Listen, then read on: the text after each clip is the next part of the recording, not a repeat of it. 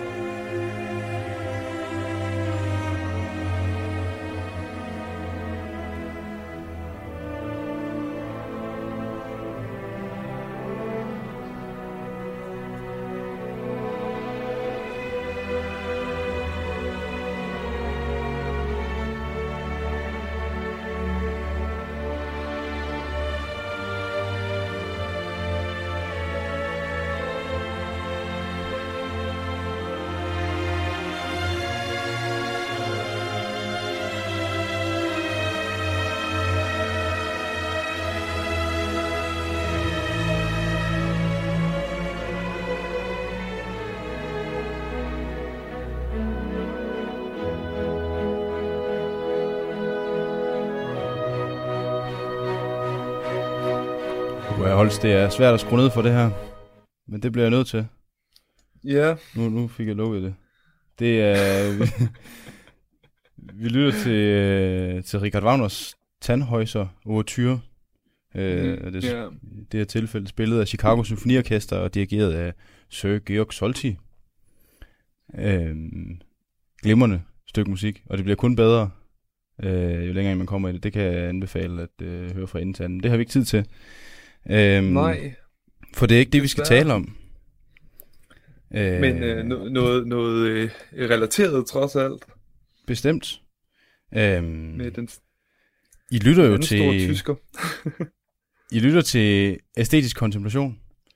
Øh, hvor vi taler om, øh, det ender jo tit med at være litteraturholst. Øhm, ja, det gør det jo. Det er jo trods alt mit hjertebarn.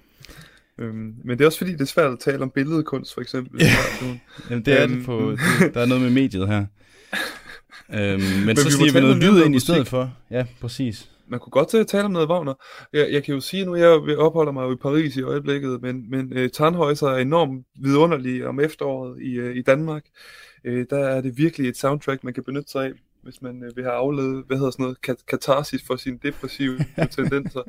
øhm, der er cirka lige så koldt i Paris, det kan, det kan være, jeg skal høre noget her i morgen. Øhm, men ja, så det kan anbefales herfra også. Tarnhøjser, Overturen af ja. Wagner. Og øh, nu siger du jo, øh, Wagner han er kaldt er også visse ligheder, som to store romantikere Nå, der. Ja. Men nej, nu siger du jo øh, litteratur, ikke? Og jo. det er jo, vi hører selvfølgelig Wagner, fordi vi skal, vi skal læse Thomas Mann i dag. Ja. Som elskede Wagner. Og det kan jeg love dig for, at han gjorde. Ja. Og øh, i hvert fald i starten. Øhm, men øhm, men øh, de er jo relateret også, øh, der er jo også nogle kompositoriske principper, han har hugget for Wagner. Øh, det ja. kan vi jo komme mere ind på, men leitmotiv, altså ledemotiverne. Ja. Øhm, det er altså i, for, for Wagner noget med, at øh, der er nogle melodistykker, der går igen og bliver behandlet på forskellige vis. Og, øhm, for eksempel ja. kan et svær have et lille melodistykke, som så kommer igen, når man ser det svær. Øh, så sådan nogle, de, de her ledemotiver, der går igen, som i øvrigt også øh, er meget af i Star Wars. Og det er så løftet ja, okay. direkte ud af øhm. Jeg er glad for, at det er Wagner og Star Wars, der bliver nævnt i sammensætning, og ikke Thomas Mann og Star Wars. så, havde, så havde jeg fået et følge her i, i, i 6. arrondissement. Men øh, lad nu det være øhm, men nej, Thomas Mann benytter sig også af den her strategi, og det skal vi også se i øh, dagens tekst, Lovén. Ja. Der er Kleine her Friedemann, Thomas Manns gennembrudsnovelle. Ja. Øhm, vi taler lidt om, hvorvidt det er hans første, mm? og det, det er det jo så ikke, siger du, men det er sådan den første, der Ej, bliver han, udgivet til et større publikum. Ja, den kommer i Neue Deutsche Rundschau i øh, 1897.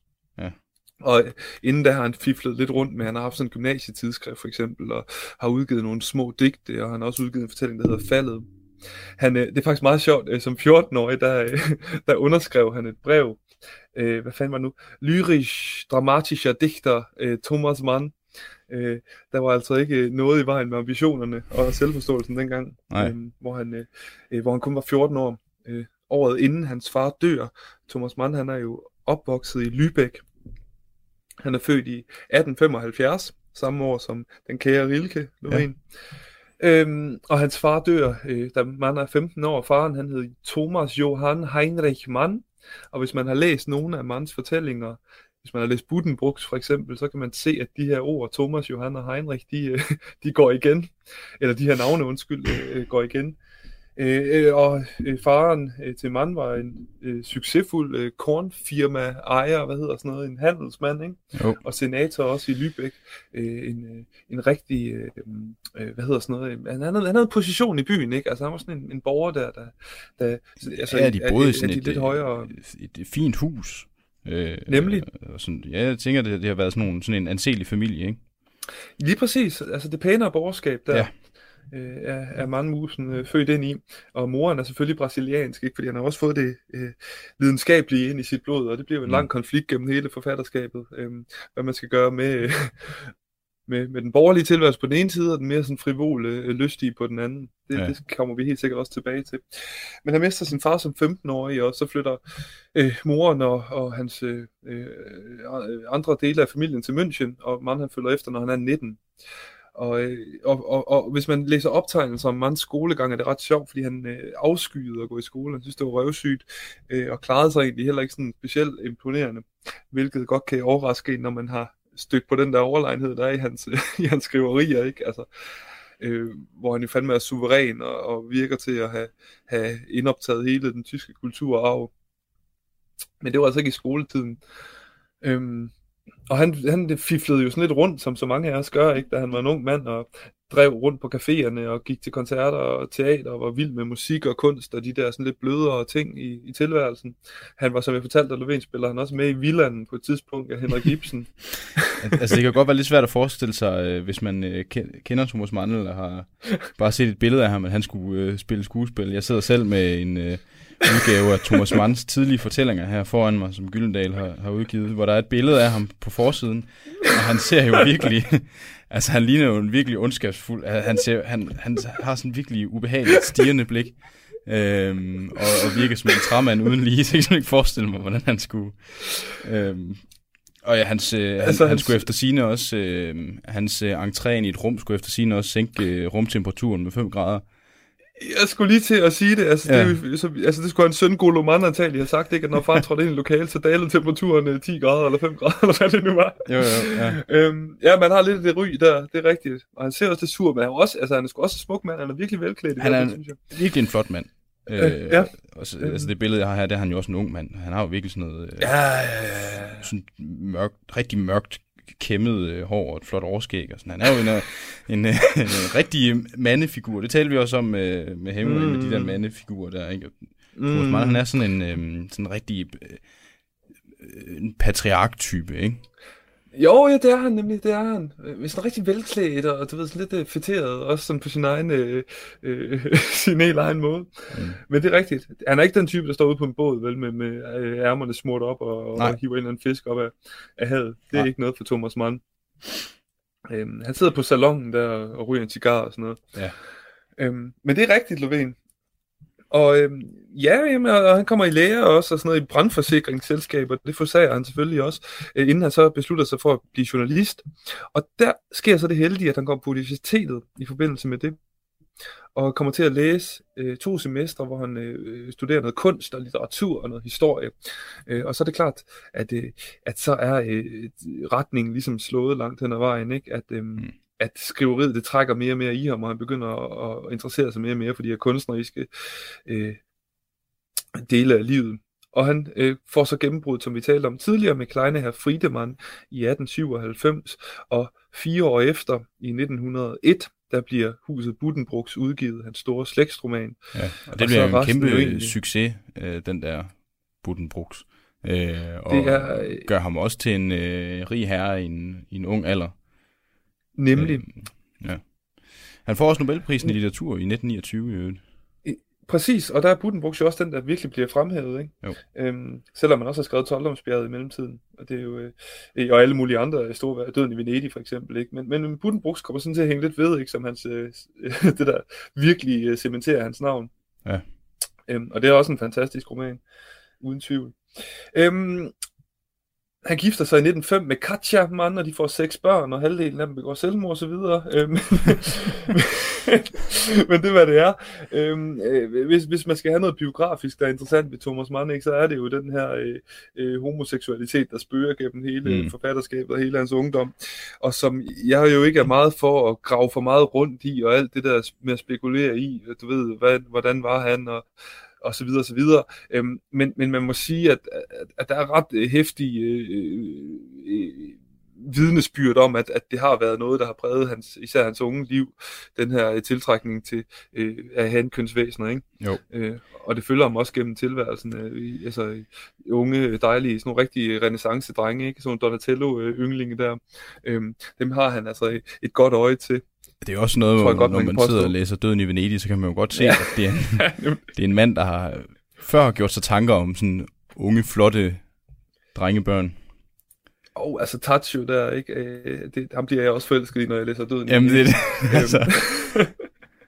øhm, Men, men ja, og, og man kan sige, hvorfor er det så interessant, den her øh, sublimerede eller undertrykte homoseksualitet. Altså det er den jo så for eksempel, når man læser Kleine her Friedemann, eller som du siger, Døden i Venedig, øh, eller nogle af de her andre fortællinger, hvor, hvor, hvor seksualiteten er så vanskelig for, for karaktererne, øh, hvor den er så øh, ydmygende og, og, og hård at realisere, ikke? og hård at vedstå sig. Øhm, Vi er jo tilbage med det, kan... der du nævnte til at starte med, med forholdet mellem det med at holde på formerne og så drifterne på den anden yes. side. Ikke? Yes, og det er nemlig også der, jeg gerne vil runde biografien af. Der. Godt. øhm, øhm, fordi det er også på tide. Ikke? Udover at han så har været eksileret selvfølgelig under 2. verdenskrig. Øhm, han har både oplevet 1. og 2. verdenskrig og skrevet hæftigt om det. Øh, og holdt taler under 2. verdenskrig, hvor han fordømte Hitler som er kulturel og sådan noget gennem BBC-radioen. Øh, jamen, der, man, det kan man finde på, øh, på YouTube, kan man finde ham ja. tale de der, til det tyske folk. Radioen, BBC. Lige præcis. Øhm, men der er altså en masse spændende der, øh, som vi desværre ikke har tid til at gå i dybden med lige nu. Øhm, men øh, Lovén, Thomas Mann, han er jo, øh, nu har vi haft Rilke, nu har vi Mann i dag, og så har vi haft have Kafka inden længe, fordi så har vi haft mine tre favoritter. øh, Thomas Mann, han er Gud, øh, og ja. konge, og alle de der fyrste, hvad fanden man ellers skal kalde ham, han er øh, den vildeste prosaist, der findes. Øhm, kan du huske, at øh, Malte Lauritz, han sagde, at øh, det der med virkelig at fortælle, det må høre en anden tid til mm. i Rilkes roman. Ja. Øh, det må man så sige, at Mann han modbeviser. Ja. Fordi at hvor Rilke han er den store lyriker, så er Thomas Mann jo virkelig en stor øh, epiker, ikke? altså en stor prosaist. Han kan jo virkelig, virkelig fortælle en historie.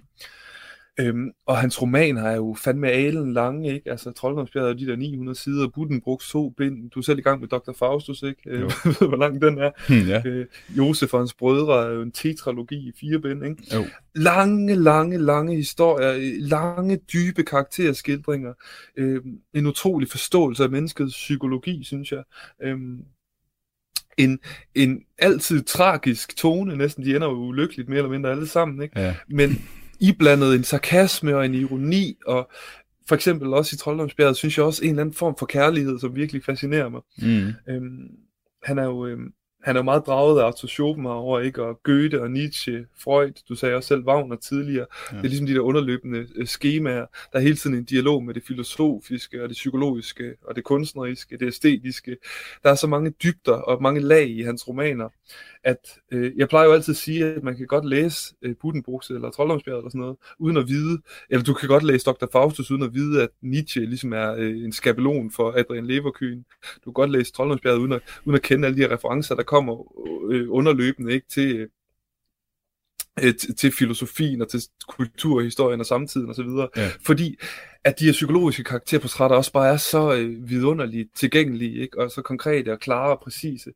Ja. Øhm, så man behøver ikke nødvendigvis alle de her forudsætninger. På den måde appellerer han ret bredt mand, synes jeg. Jeg synes, det er en stor kunst, at han kan have alt det her i spil, og samtidig også bare fortælle en historie, der er relaterbar og smuk, ikke? Ja, fuldstændig. Jamen, og det er også, blev, altså, det var også bare sådan en helt kæmpe succes i, i Tyskland, ikke?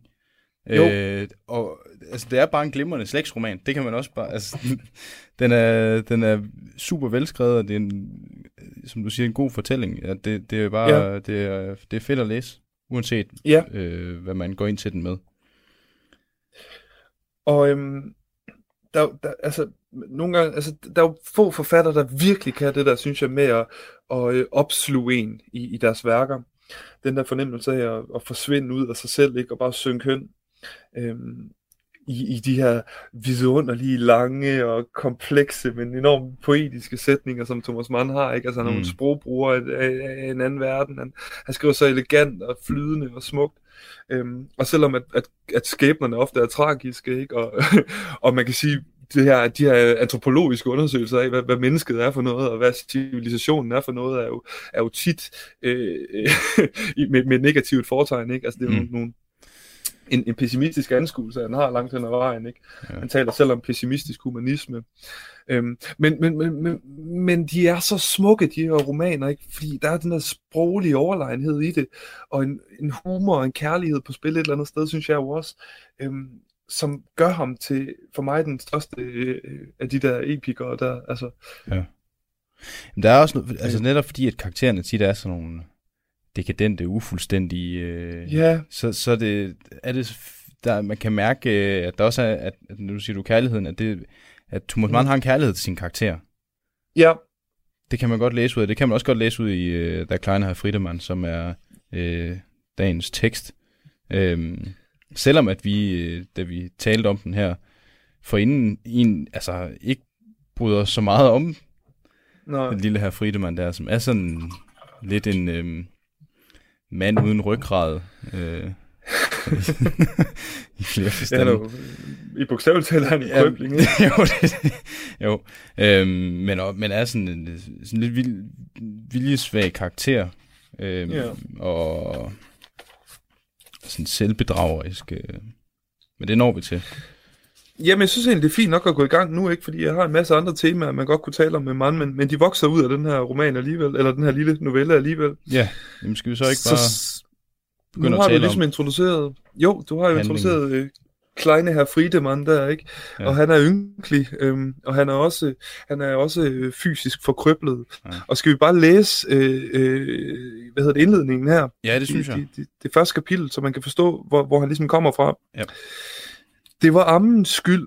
Hvad hjalp det, at konsulinde Friedemann, da den første mistanke opstod, alvorligt forholdt hende, at hun skulle undertrykke sin last?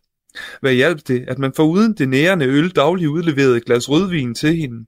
Det viste sig pludselig, at denne pige endda fornedrede sig til at drikke den sprit, der skulle anvendes til kogeapparatet, og før der var kommet erstatning for hende, før man havde kunne sende hende væk, var ulykken sket. Da moren og hendes tre halvvoksne døtre en dag kom hjem fra en spacertur, lå den lille, cirka en måned gamle Johannes på gulvet og jamrede, sagte, men forfærdeligt. Han var styrtet ned fra puslebordet, og armen stod fuldstændig sløv ved siden af. Hvis vi bare stopper den der, det er første ja. paragraf. Øhm, han er jo ikke en det... krybling, han er jo simpelthen øh, ved et uheld med den der spritstive amme der, der er også meget morsomt, synes jeg, drikker spritten, der skulle bruges til kogeapparatet. Det er altså alt, hvad hun kan få yes. fingre i, der kan bero sin, det kaster hun så over. Og så ja. den, den lille barn der er blevet efterladt lidt for sig selv og så rullet ned, må man antage. Ja, på gulvet der, ja, ikke? Ja, på puslebordet. Og, ja, og han dør ikke af det, men han, han bliver forkryblet. Ja. Og nu nævner du selv, at hun er jo alkoholiker, hende er armen, ikke? Jo. Og hvis vi bare tager den anden sætning i den her novelle, ikke? Hvad hjalp det, at konsuline Friedemann, da den første mistanke opstod, alvorligt forholdt hende, at hun skulle undertrykke sin last? Mm så synes jeg, vi har et meget, meget øh, tilbagevendende tema hos mand. Ja. At hvad hjælper det at opfordre hende her ammen til at tøjle eller undertrykke sin last, som i det her tilfælde er drikkeriet, øhm, når hun alligevel ikke kan. Altså, ja. det er mennesket, der spiller falit, kan man sige, over for de her irrationelle øh, øh, ytringer, eller den irrationelle trang, der er i dem. Øh, I det her tilfælde er det drikkeriet, ikke? Det er mm. også tit øh, driften, den kropslige drift. Det er, øh, det er kærligheden, man går til grunde på, ikke? Alle de her ytringer, som fornuften ikke kan kontrollere. Altså, man kan ikke tale sig ud af det der. Det hjælper ikke noget at undertrykke dem. Nej jeg synes, det er interessant, at det kommer så tidligt øh, Jamen, det spil. er det også. Det er det, fordi det er jo øh, det hovedtemaet, vi får slået an så tidligt. Ja. Det... Øhm, men det er i hvert fald rigtigt, Lovén. Han bliver født her, ikke? Øh, Friedemann, og øh, bliver altså forkryblet, fordi ammen, hun forsømmer sit, øh, øh, sit, sit job der. Ja. Ja, han, han, øhm, øh, ja, han ender jo med, at øh, der, der er en beskrivelse af ham, Holst. Kan vi ikke øh, i slutningen det synes jeg, af vi skal tage. 2, fordi Nemlig. vi ligesom forstår, hvordan det han kommer til at se ud efter det her uheld. Ja, fordi han overlever jo, og han, øh, han vokser op sammen med sin mor og sine tre søstre, og faren er død. Og så øh, får vi en beskrivelse af, hvordan to, øh, Johannes, han ser, jeg kalde ham Thomas, hvordan Johannes han ser ud. Ja. Han var ikke køn, den lille Johannes. Og når han sad sådan på skamlen med sit spidse høje bryst, den puklede ryg, og sine alt for lange arme, og med behendig iver knækkede sine nødder, frembrød han, frembød han et overmåde besynderligt syn. Men hans hænder og fødder var velformede og smalle, og han havde store hjortebrune øjne, en blødformet mund og fint lysebrunt hår. Skønt hans ansigt sad så ynkeligt nede mellem skuldrene, måtte man dog næsten betegne det som smukt. Mm. det er også en, øh, det, jeg synes, det er lidt, der er også noget med det her med mands kærlighed til sin karakter, ikke? Øh, for han, han formår med den her beskrivelse af den her, af den her krybling også at, at trække nogle meget fine små detaljer ud. Altså, det er sådan en meget mandsk beskrivelse, ja. synes jeg. Øh, mm, mm. Og det, det, det der det der ambivalente, at, der, at, at det, han ikke bare er grim på den måde, men han, han har ligesom sådan et, ja. et, et, et ejendomligt udtryk, men har de der sådan nogle små fine træk med de der brune øjne og Øh. Ja, midt i alt det der forkryblet og ulækre i virkeligheden, ikke? Altså ja. det forkerte og sådan vandsiget og sådan noget. Ja. Så er der nogle træk. Og som vi talte om, det eneste, der er galt her, det er, at den ikke er bleg og har dårlige tænder. Fordi hvis han havde det, så, så havde han været klassisk øh, dekadent mandkarakter. Men det finder vi ud af senere, at han i hvert fald er bleg, ikke? Jo. Øhm, men sådan vokser han op, øh, Johannes øh, Friedemann her, ikke, øh, som anderledes, og det ved han også godt tidligt, at han er ikke helt ligesom de andre, vel? Nej, han kan ikke rigtig øhm, øh, sådan være med i de andre leje, som jo sådan nogle, der tit kræver, øh, at man kan, at ens fysik ligesom kan følge med, og det kan han ikke rigtig deltage ja. sig i. Eller deltage han kan ikke, i. Han kan og, ikke spille fodbold, vel? Nej, nej, præcis. Øh, og han har også, og han bliver også behandlet Ja, han bliver behandlet anderledes, det er præcis det. Altså det, der står, at da de altid opførte sig forlegnet og tilbageholdende over for ham, blev de aldrig for alvor hans kammerater. Så de har sådan en, ja. en øh, lidt tilbageholdenhed, nok bare fordi han skiller sig lidt ud. Jeg forestiller mig egentlig, at, øh, at øh, der er ret mange sådan, handicappede, der har den oplevelse. Ja, sådan høflig øh, afholdenhed, ikke? Eller jo, sådan, sådan distance på en eller anden måde. Ja, ja, ja. Lige præcis. Og den mærker han jo. Og så får han ligesom ikke øh, kastet sig ind i de der øh, sociale... Øh, interaktioner. Han, det, han holder sig lidt for sig selv. Han, øh, han bliver ligesom enig med sig selv om, at det ikke rigtig, øh, det er ikke rigtig for ham, det der. Ja, det vil sige, altså han er uden for det normale, ikke? Og allerede ja. der er han jo igen en mandkarakter, ikke? Altså det der med at stå inde eller uden for normen og det normale og sådan noget, ikke? Der er Friedemann på ydersiden af det. Og, øhm, og, og må jeg læse det her nu her, Lovén? Øhm, fordi der sker jo noget, når sådan en dreng vokser op. Ja, ja, tag det. Øhm, han finder som regel ud af, at der er forskel på kønnene. Mm. Øhm, og begynder at synes, at, at det her, man ikke selv tilhører, er mere interessant. Øhm, og det, kan, det finder øh, Friedemann her, han begynder jo at, at, at høre, at drengene der i skolegården, de taler om pigerne og sådan ja, noget. Ikke? Ja. Og så tænker han, som du siger, det tror jeg egentlig ikke er noget for mig. Men så sker der så det. Ikke desto mindre skete der det, at han som dengang var 16 år, pludselig forelskede sig en jævnaldrende pige fordi vi er jo irrationelle mennesker, vi er i Thomas Manns univers, ikke? Ja, ja. Så selvom det ikke er noget for ham, så sker det. det er Hun var søster til hans klassekammerat af lyshåret. At, det, at mm. der går en, øh, der er et linjeskift fra, hvad han, at han siger, at øh, han, det kommer ikke til at være noget, han bruger tid på, det der med de piger der, han er lige ja, til ja, at være ja. alene, og ja. så linjeskift, og så kommer den med det samme, så det, det er ikke særlig længe, den holder den der. Det, og det der, det er manden, når han er allersmukkest. Altså, det, det er et eksempel på hans ironi, ikke? Og den der overlegne sarkasme. Og sådan, mm.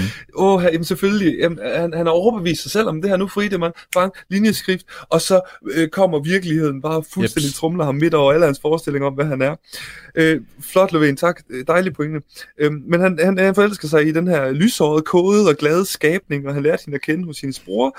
Han følte en sælsom beklemthed i hendes nærhed, og den hæmmede og kunstig venlige måde, som også hun behandlede ham på, fyldte ham med en dyb sorg. Det var faktisk det, vi talte om tidligere, ikke? at han blev behandlet som anderledes. Ja.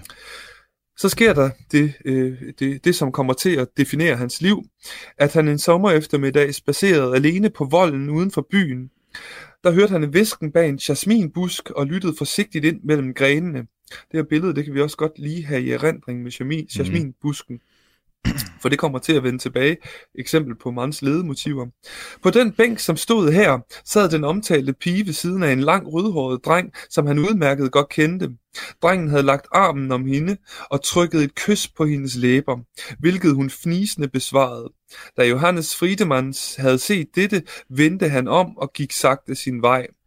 Hans hoved hang længere nede mellem skuldrene end nogensinde. Hans hænder skælvede, og en skarp svidende smerte steg fra brystet op i hans hals, men han undertrykte den med besvær og rettede sig beslutsomt op, så godt han nu kunne.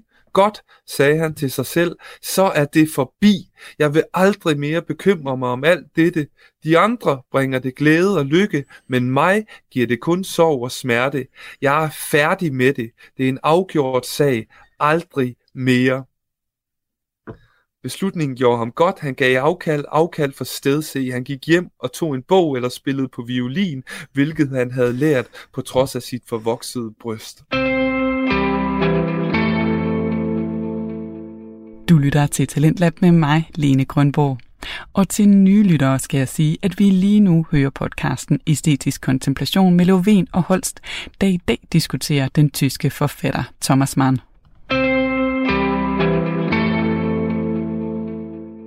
Og der har vi lagt kimen til... Øh, wow! ja, ja det, er, det er ganske glimrende. Og, og, og kimen til resten af, af Friedemanns, eller i hvert fald hans liv op til hans 30-års fødselsdag, den bliver altså lagt der, øh, hvor han, hvor han by, siger, det der øh, med, med, med damerne og kærligheden, det kommer ikke til at give mig noget godt. Det vil jeg absolut ikke have noget at gøre med. Og jeg skal ikke røre med det lort der. Nej. jeg bliver overhalet indenom af en langlemmet rødhåret fyr, og det vil jeg ikke. Fuck det. så jeg går hjem, og så spiller violin, og så læser jeg. Yes, og så kan verden bare rende mig. Yep. Øhm, så vi på, altså en, under en halv side, der ser vi et menneske blive destrueret. Det er det, vi lige har bevidnet, ikke? Ja. og han, han gennemlever det her nederlag og sætter sig for, at han aldrig skal i nærheden af det igen. Han skal ikke røre ved det giftige pis. Det gjorde kun ondt, ikke? Ja. Og så bliver han jernhård. Gustav Aschenbach i uh, Døden i Venedig, han taler om at være en knyttet næve. Ikke? Mm. Altså kunstneren skal være disciplinær og være en knyttet næve, der står igennem fristelserne og er koncentreret og arbejder og slider hårdt ikke? og har ren form. Og det er det, han vil være her, den lille her Friedemann. Ja. Og som du siger, han finder kunsten, ikke? Han læser bøger, han spiller violin. Ja. Men det har jo så også en, øh, altså, måden han, han øh, håndterer den her sag, det er mm. jo, jo egentlig ved ikke rigtig at håndtere den, men at afvise den, ikke? Ja, øh, nemlig, nemlig. Han, han, han besluttede sig for at vende ryggen til det, i stedet for at håndtere den der fornemmelse øh, og, og ulykke, som han, han bliver ramt af, øh, som jo er en, en problematisk måde at gøre det på. Han undertrykker det i virkeligheden, ikke? Det er jo lige præcis det, han gør. Det er den her sublimering af det, som øh, var farligt og som gjorde ondt, ikke? Altså, øhm, og det er jo det, vi, vi talte jo også om det, at, at her siger han, her vælger han, at han skal aldrig nogensinde gøre det her igen, vel? Altså han overbeviser sig selv om, det er ikke noget for ham. Ja. Men det der sker er jo, at han er udsat for et nederlag, ikke? Altså, og man, man, kan, jo, man kan jo godt øh, diskutere, i hvor høj grad det er et valg, ikke? Altså, at, at han vender sig bort fra, fra hende her pigen og fra, fra, fra, fra sin øh, kærlighed som sådan, ikke? Altså, det er jo ligesom asketen, der går i askese. Øhm, og hylder sin ensomhed, eller Nietzsche for den sags skyld, der sidder og priser sin ensomhed i alle værkerne, ikke? og taler om, hvordan ja. det store geni er ensomt. Ja. Altså, det er jo, det, der er jo ikke noget alternativ, min ven, for helvede. Nej, det er det. Du graver dig ned i det der hul, jamen altså, så kan du sgu da godt prise det. Men, men, men, det, det, er let, at, det, man... det er let at, at sige nej til ting, man ikke bliver tilbudt, ikke? Ja, nemlig. Altså, man presser sig selv op i en krog, og så siger han, jamen, jeg har valgt at stå heroppe i krogen, ikke? Altså, ja, ja. Øhm, så det bliver den der fortælling, ikke? Og du havde et godt begreb, som, som vi måske kunne tage i spil nu. Ja, Øh, liv, en livsløgn. Yes. øh, en oversættelse, jeg ved. Jeg, men, men altså, det er, jo, det er jo simpelthen et spørgsmål om, at du fortæller dig selv et eller andet, for at mm. øh, muliggøre din egen eksistens. Og selvom at det ikke er rigtigt, øh, så er det ligesom det, der hjælper ham med at komme videre. Yes. Yes det er den der stolte fortælling, ikke? Om at, øh, at han vender de der primitive ryggen. Ja. Og han, han taler jo også om, øh, altså, øh, han taler om længslen lidt senere. Øh, øh, øh, han optog beredvilligt alle sine følelser og stemninger og plejede dem, de triste så vel som de mundre. Øh, også de uopfyldte ønsker, længslen, og det er selvfølgelig kursiveret længslen, mm. fordi vi er i tysk tradition. Han elskede den for dens egen skyld og sagde til sig selv, at det bedste ville være forbi med opfyldelsen. Mm.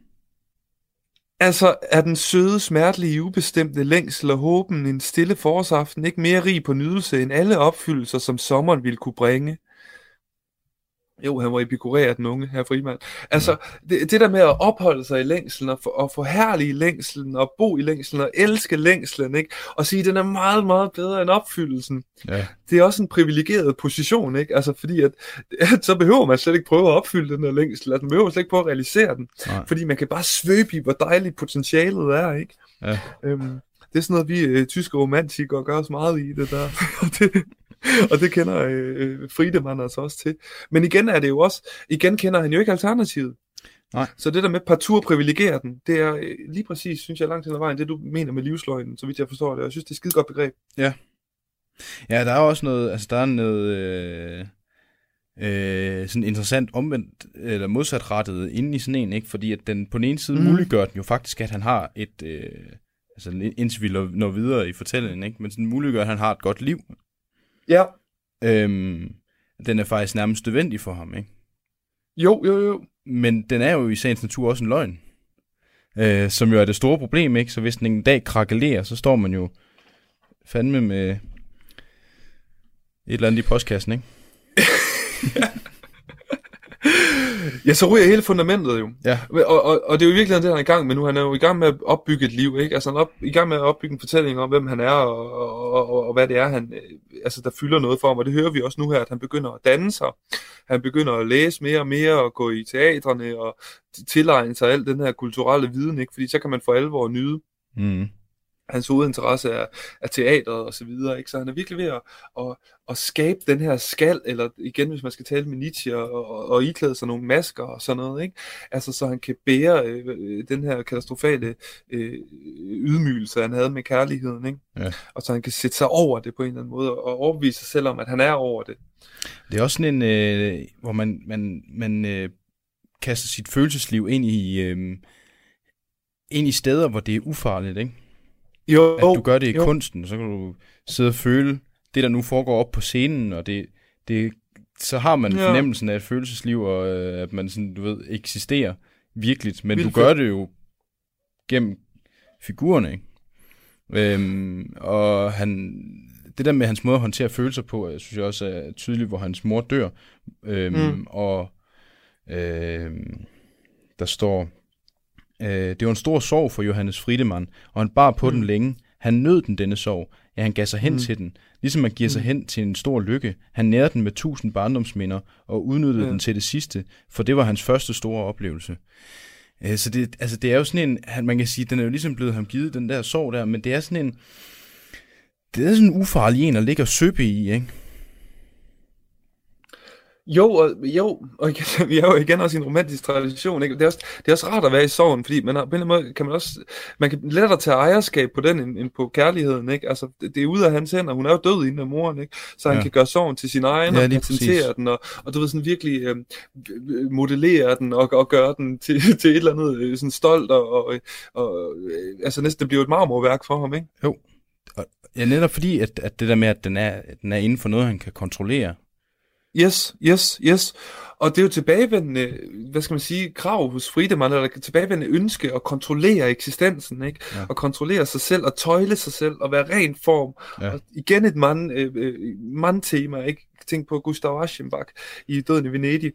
Og må jeg læse der ved 30 års fødselsdagen? Øh, ja. Fordi at nu har han ligesom nu har han kultiveret sig selv, ikke? Domesticeret sig selv til at være det her menneske. På ja. sin 30-års fødselsdag, en lys og varm dag i juni, varme er jo et ledmotiv par excellence i den her novelle, og det kommer vi til at høre mere om, sad han efter frokost i det grå havetelt med en ny nakkepude, Henriette havde lavet til ham, det er søsteren. En god cigar i munden og en god bog i hånden. Af og til lagde han bogen til side, lyttede til spurenes fornøjede kvidren, der har vi fuglene Lovén, endnu ja. et ledemotiv fra det gamle nødetræ, og så på den velholdte sti, der førte op til huset, og på plænen med de broede bede. Den lille herr Friedemann bar intet skæg, og hans ansigt havde næsten ikke forandret sig, kun var trækkene blevet lidt skarpere, det fine lysebrune hår bar han glat med en skilning i siden. Da han en gang lod bogen synke helt ned på knæet og kiggede op mod den blå himmel, solrige himmel, sagde han til sig selv, det var altså 30 år. Nu kommer der måske 10 eller endda 20 til, kun hvor herre ved det. De vil komme og gå roligt og lydløst, ligesom de henrundende, og jeg venter dem med fred i sjælen.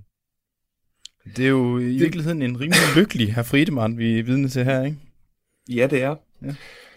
Det er Schopenhauers øh, resignerede, interesseløse betragter af viljen, ikke? Altså han har, han har, øh, hvad skal man sige, meldt sig ud af, øh, af kampen af det her slid, det er at være et menneske og være med i et borgerskab. Ikke? Han, er, han, han behøver ikke bekymre sig om at realisere sig selv og, og den her seksualtrang og hvad fanden der ellers er af, af modbydeligheder ved at være til som menneske. Hmm. Han betragter det på afstand, og måske kommer der 10 eller 20 år, men de går roligt og fredeligt og lydløse. Ikke? Altså han mærker slet ikke det her liv. Det, er det, det kommer med, bare til at bevæge sig forbi ham. At oplevelse kan få lov at passere igennem ham uden rigtig altså yes. virkelig at berøre noget, ikke? Det gør intet indtryk. Han har nået et, et, et stadie af, du ved, af fred, fredelig betragtning. Altså det vil sige, at han ja. er på afstand af livet, ikke? Men, men her gør det heller ikke ondt. Her er det faktisk bekvemt at være. Her kan han bare kigge på dagene og vente på at dø. Men så? Nu laver han jo den... Han lige lavede, Løven, det du lige udpegede. Ja øh, før, da han sagde, at, øh, at det ikke var noget for ham med pigerne, og så forelsker han sig i næste linje. Fordi efter det her, så kommer der kapitelskifte. Så står der i juli samme år skiftet byen garnisonskommandant. ja. Så er der nye tilflytter. Og så får vi... Yes. Og hvad er det for nogen? Jamen, det er herre og fru Rindlingen. Øh, ja. Jeg ved ikke helt, hvordan øh, udtalelsen den... Øh... Men det, det, de er for det, Jeg tror, det var fint. Ja. Rindlingen! Rindlingen! Rindlingen! Ja. ja, men de er fra hovedstaden, så jeg tror ikke, man ruller så meget på æret. Nej, det skal øhm. jeg ikke kunne sige. men det er altså øh, herre Rindlingen, den nye oberstløjtnant, øh, der er ja. gift med fru Rindlingen uden børn. Øh, men ja. de er ganske rige, de leger en rummelig villa i den sydlige forstad. Øh, ja. ja, de har masser af tjenestefolk og øh, heste og sådan noget med. Så det er ligesom den der rige øh, familie, der kommer til, at det er selvfølgelig på hele byens læber, hvem de der må er. Ja, ja, ja, fordi det er noget andet, der også interesserer mig, ikke? Altså det her borgerskab og alle de ja. her små borgere her, der skal finde ud af, uh, hvem er de, der kommer nu til byen og sådan noget, ikke? Øhm, og det er også sjovt, det er jo bare en lille detalje, men du siger nemlig også, at de her, de bor i den sydlige del af byen, og øh, Friedemann, han bor selvfølgelig i den nordlige del af byen. Øhm, men, men, men fra syden, der kommer alt det der, der kommer Thomas Manns mor jo også, og det er der, ja. det frodige, og det der palmerne kommer fra, ikke? Ja. Og det er der, han skal ned og gå under. Øh, så endnu et, et lille ledemotiv måske i virkeligheden. Øh, de her små subtile hints, der hele tiden er hos Mann, ikke? Altså, der, der forgriber øh, katastrofen. Men det er rigtigt, de kommer til byen. Ja. Øhm, og, og så er der jo reaktionerne der, som du siger, det, dem taler man jo om, ikke? Uh, hvad er det for nogen, der kommer? Og, og især... Øh, fru ja. Rindlingen der, hun, øh, hende bliver der talt meget om, det, særligt øh, fru advokat Hagenstrøm. Ja. I en samtale med Henriette Friedemann. Øh, taler om, hvor, øh, hvordan øh, Gerda von Rindlingen der, hun er, hun er ligesom lidt for frimodig i sin ageren. Altså, der, der, hun ja, er, hun er lidt en møgsæk. Ja, de kan ikke rigtig lide hende, kvinderne i byen. Hun er ligesom, øh, der er noget ukvindeligt ved hende. Hun, er, hun mangler noget elegance. Ligesom om hun... Øh, mm. De har sådan en... Øh, øh, hvad siger må jeg læse beskrivelsen? Øh, ja, det må du gerne. Det var præcis det, jeg sad lidt det, efter, så hvis du har den i hånden. Det, så. det, det, det er Hagenstrøm, der siger det her, så det er altså lagt i hendes mund. Det er ikke Thomas Mann, eller for, fortælleren. Hun ryger, og hun rider. Og det kan man ja, gå med til. Men hendes opførsel er ikke alene fri, den er direkte bursikøs. Og heller ikke dette er det rigtige ord. Ser de, hun er absolut ikke grim, og man kan måske endda sige, at hun er køn, men alligevel savner hun enhver kvindelig charme, og ved hendes blik, hendes smil og hendes bevægelser mangler der alt, hvad mænd holder af.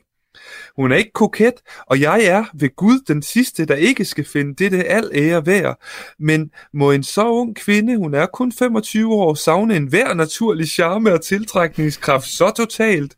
Kæreste, jeg er ikke sladderagtig, men jeg ved, hvad jeg mener. Hvor herre er endnu ikke du, øh, undskyld, hvor herre er endnu noget duperet, men de vil få at se, at de om et par uger vender sig fra hende med det største ubehag. ja så skal hun altså svines til øh, øh, hende her. Ja. Jeg er overhovedet ikke sladderagtig, men nu sladrer jeg lige lidt om hende her, den nye, den nye pige i byen. Øhm, og det er jo, det, det, det er jo sådan noget, det, vi ved jo, at det er sådan noget, det er noget, noget sladderværk, ikke? Fordi når vi senere kommer hen i teateret, så jo, sidder jo, jo, alle jo. folk med teaterkiggerne og kigger over mod det nye par der, så det er jo ikke nogen, de på den måde sådan har, har lært at kende endnu. Det er jo virkelig sådan noget, der, sådan noget snak, der går øvrigt en fantastisk, fantastisk lille detalje, det der, som du siger, ikke? og et eksempel på uh, Thomas Manns humor, at de sætter sig i teateret, og alle peger deres kigger mod det nye par der, de skal fandme ja. lige se, hvem de er. Ja. Øhm, men, men igen, det der, altså hun er uden kvindelig charme, men, men hun er øh, trods alt ikke grim, og sådan, det er virkelig en sjov beskrivelse, den der. Ja. Øhm, og første gang, så, så tænkte jeg jo på den som, at hun var ulækker, hende her Gerda, ikke? eller hun var sådan lidt manhaftig og sådan lidt øh, ja. Øhm, ubehagelig. Ikke? Men, men, men anden gang jeg læste, så, så, så, så læste jeg det mere som en, en, en jalousi fra hende her Hagenstrøm. Ikke? Altså, mm. hvordan kan vi nedgøre hende her, den nye ankommende? Ja. Øhm, fordi hun er, hun er jo måske egentlig i virkeligheden sådan rimelig øh, øh appellerende. Hun siger jo også, at, at, øh, at hvor herre er endnu noget duperet. Altså, de, de er duperet over, hun er, ikke? Altså, hun er måske egentlig ret lækker, hende der. Mm. Men, men de skal nok finde ud af, at hun ikke er noget værd. Ja, ja. Øhm, så sådan fungerer mennesker jo hos Thomas Mann. Øhm, de er ret ondskabsfulde. Oftest i hvert fald. Øhm, så er det jo, at herr Friedemann ser hende første gang. Det er det næste, der sker i det næste kapitel. Og det er fantastisk. Og øhm, den store Søren Fag, den bedste underviser, jeg nogensinde har haft, og han er endnu bedre digter, end han underviser. Og han har jo læst mand forfra og bagfra, og du har selv oplevet ham, ved en live ja, ja. tale om mand, ikke? Jo, men han er glimrende. Øhm, og hans, Jamen, det er han. Og hans mm. kritik af Mann er jo, at, at Thomas Mann, han skriver jo den samme fortælling igen og igen, som Paul ville sige. Øhm, det er de samme tematikker, de samme greb, han anvender. Mm. Øh, og, og Favl kan have en pointe i det der. Øhm, selvom at jeg måske, jeg, øh, altså, jeg, jeg, jeg synes nu stadig, at der er variation, og, og der er masser at komme efter. Men en af de ting, man kan sige, det er, at de her ledemotiver går igen. Yeah. Og da jeg læste øh, Lille her Friedemann, og jeg læste øh, indledningen på det her kapitel, som du taler om, hvor han ser øh, forindlingen, så står der, han spacerede lille og lapsede ved siden af grosser Stephens, en meget høj og svær herre med rundskåret skæg og umådeligt tykke bryn. bryn. Begge bare høj hat, og på grund af den stærke varme gik de med frakken opknappet. Mm. Så vi, da jeg læste den der sætning, på grund af den stærke varme gik de med frakken opknappet, ja så tænkte jeg, nu, nu går det galt ja. for den lille Friedemann. Nu kommer der et eller andet, øh, fordi han har knappet sin stramme jakke op. Han har lige løsnet formen. Den lille, øh, øh lille knap der, der er lille hul, til at... lille åbning. Ja, ja, ja, ja, ja.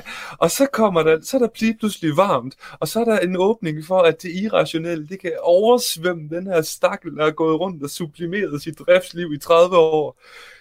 Så der kunne jeg godt se, hvad jeg så nogle gange taler om. Ja, ja. øhm, og det er jo fru Rindlingen, der kommer, kommer kørende i en gul jagtvogn. Og... Hun er så fucking fed, hende her, at man, at, at man er nødt til at læse sin sang 3. Altså, man skal forestille, hun, hun er jo, øh, ja, jamen, du må gerne forestille, Louise. Ja, men bare, læs ind i entréen, for det, det så kan vi tale jamen, jamen, jamen, Jamen, hun kommer ud smækkende. Altså, hun er lige kommet til byen, øh, fru Indlingen, ikke? Og mm. så skal hun ud og vise sig. Ja. Øh, så hun kommer i den gule jagtvogn, som fru Indlingen i dag benyttede. Og hun styrede i egen person de to slanke heste, mens tjeneren sad bag hende med korslagte arme. Hun var iført en hvid, ganske løs jakke, og også skørtet var lys farve. Under den lille runde stråhat med det brune lederbånd vældede det rødblonde hår frem, der var friseret over ørerne og faldt dybt ned i nakken som en tyk knude. Øh, og, ja, så, og så kører den jo videre og videre, ikke? og hun har jo en pisk, hvor hun står og, og pisker løs på de der heste der. Øhm, men hun kommer i en fucking stridsvogn på banen. Ja, ja. Som, og, og, og tjeneren, der burde køre den af vognen, sidder surmuler om bagved med korslagte arme. og, og hun har et læderbånd rundt om håret, ikke? Og det er friseret bag ørerne. Altså, det, jeg, jeg, jeg kan jo ikke, og det kan godt være, det er, fordi jeg er besat af, af, af grækerne i øjeblikket, men jeg kan jo ikke se andet end Athene eller, mm. eller Artemis, der står der med den der græske, øh, du ved, bånd der rundt om, øh, altså, og, og, og flætten, hvad hedder det, knolden om bagpå, og så står hun bare der og pisker sin stridsvogn igennem, igennem den der lille fucking by. Ja. Altså, det er det fedeste entré, man overhovedet kan forestille sig. Og det mest fam fatale, hvad hedder, fatale, fam fatale, øh, der smækker igennem byen der. Og det er jo bare ja. for lige at køre, køre ned og, og lige køre en runde, ikke? Øh, det, det siger ja, øh, storkøbmanden der, som øh, Friedemann går rundt med. Han siger, øh, han siger, hun har kørt sig en tur og kører nu hjem igen. Øh, og så Friedemann, han kigger bare efter hende der. Den lille her Friedemann svarede ikke, men så frem for sig ned på brolægningen. Så vendte han pludselig blikket mod storkøbmanden og sagde, hvad mener de? Og så gentager, øh, så gentager han. hun er bare lige nede. nede ja, hun er bare lige ude lufte hestene. Ja. Det er, Ja, og det er jo det, hun gør, ikke? Og det er jo borgerskabet igen, og det er, det er jo en magtdemonstration, det der, ikke? Altså, mm-hmm. hun er nemlig ude at vise sig. Øhm, fantastisk øh, beskrivelse. Og, og ja, øh, hvad var det, du sagde, spørger herr Friedemann der, ikke? Øh, han overhører det, han er i sin egen verden, han ja. er øh, nu allerede øh, fortabt, fordi den her øh, vitale kvindeskikkelse har, har, øh, har ligesom overhalet ham indenom, ikke? Hun, hun, hun, jamen, hun kommer ligesom, fordi allerede i det næste kapitel, der får de jo besøg af hende, så hun, hun trænger sig jo lidt på. Ja. Det kommer snigende, ja. det der. Ja. Øhm, og der, øh, hvis, altså, vi kan jo godt, nok godt, øh, fordi det, det bliver sjovere, når vi kommer ind i teateret. Øhm, men hun, hun, hun kommer jo på besøg, og, og Johannes Friedemann, øh, den lille her Friedemann, beslutter sig for, at øh, han behøver ikke rigtig øh, at gå op og, og, og hilse på på den måde. Han, han er faktisk på vej Nej. op Ja, han står med hånden på døren, ikke? Jo. Og skal til at gå ind og sige hej, ind i landskabsværelset i øvrigt, som også er et ledemotiv. Hvor herre for Rindlingen sidder og taler med søstrene deroppe, ikke? Ja, og så går han derop, og han er godt klar over på det her tidspunkt, den er, den er lidt gal, den her. Ja, ja, ja, ja. Så han og, står deroppe, som du siger, med, hånd, med hånden på håndtaget der, ja. Og så siger han, ej, jeg tror hellere, jeg må lade være. Ja. øh, og så går han ned på sit kontor og sidder ved skrivebordet og tog avisen i hånden. Men efter et øjebliks forløb lod han den atter synke og kiggede ud af vinduet. Sådan blev han siddende til pigen kom og meldte, at der var rettet an. Så han ja. Tyrer jo til sin vanlige, øh, hvad skal man sige, sit middel mod de her irrationelle drifter og de her forelskelser. Han øh, begynder at prøve at læse, ikke, og sidder med avisen nede på sit kontor. Ja. Men han smider hurtigt den der bog og kan slet ikke samle sig om den, vel? Nej øh, så katastrofen den er jo undervejs. Han sidder også tavs til middagen, og det vi lige hørt, her, der overhører han faktisk også, hvad en af søstrene siger til ham, fordi han sidder i sine egne tanker ikke, og tænker på, øh, på Gerda der. Kapitlet øh, slutter jo med, altså der søstren taler der, så står der her, Friedemann havde fuldkommen overhørt spørgsmålet og spiste med stille ængstelig yes. mine sin suppe. Det var som lyttede han til en eller anden fjern uhyggelig lyd. Ja, ja. det er jo drifterne, oh, der kommer for... ind der, ikke? Ja, det er det nemlig, og den får fuld udblæsning i næste kapitel, gør den ikke det? Jo, jo. Hvor de så er i teatret, og så opføres der Wagner. Ja, Wagners Lohengrin, og det kunne være, at øh, vi skulle sætte den på. Ja, jeg har øh, ikke fornemmelse af tiden. Jeg kan ikke, der, tiden går ikke i Paris. Nej, jamen altså, øh, jeg synes, det, det, kunne man gøre, fordi at øh, vi, vi når ikke at øh, at komme igennem. Nej, det gør Nej. vi ikke. Øh, vi har talt i øh, 50 minutter. lad, lad os spille noget Lorenkrinden, og så tage den scene der. Ja, det gør vi.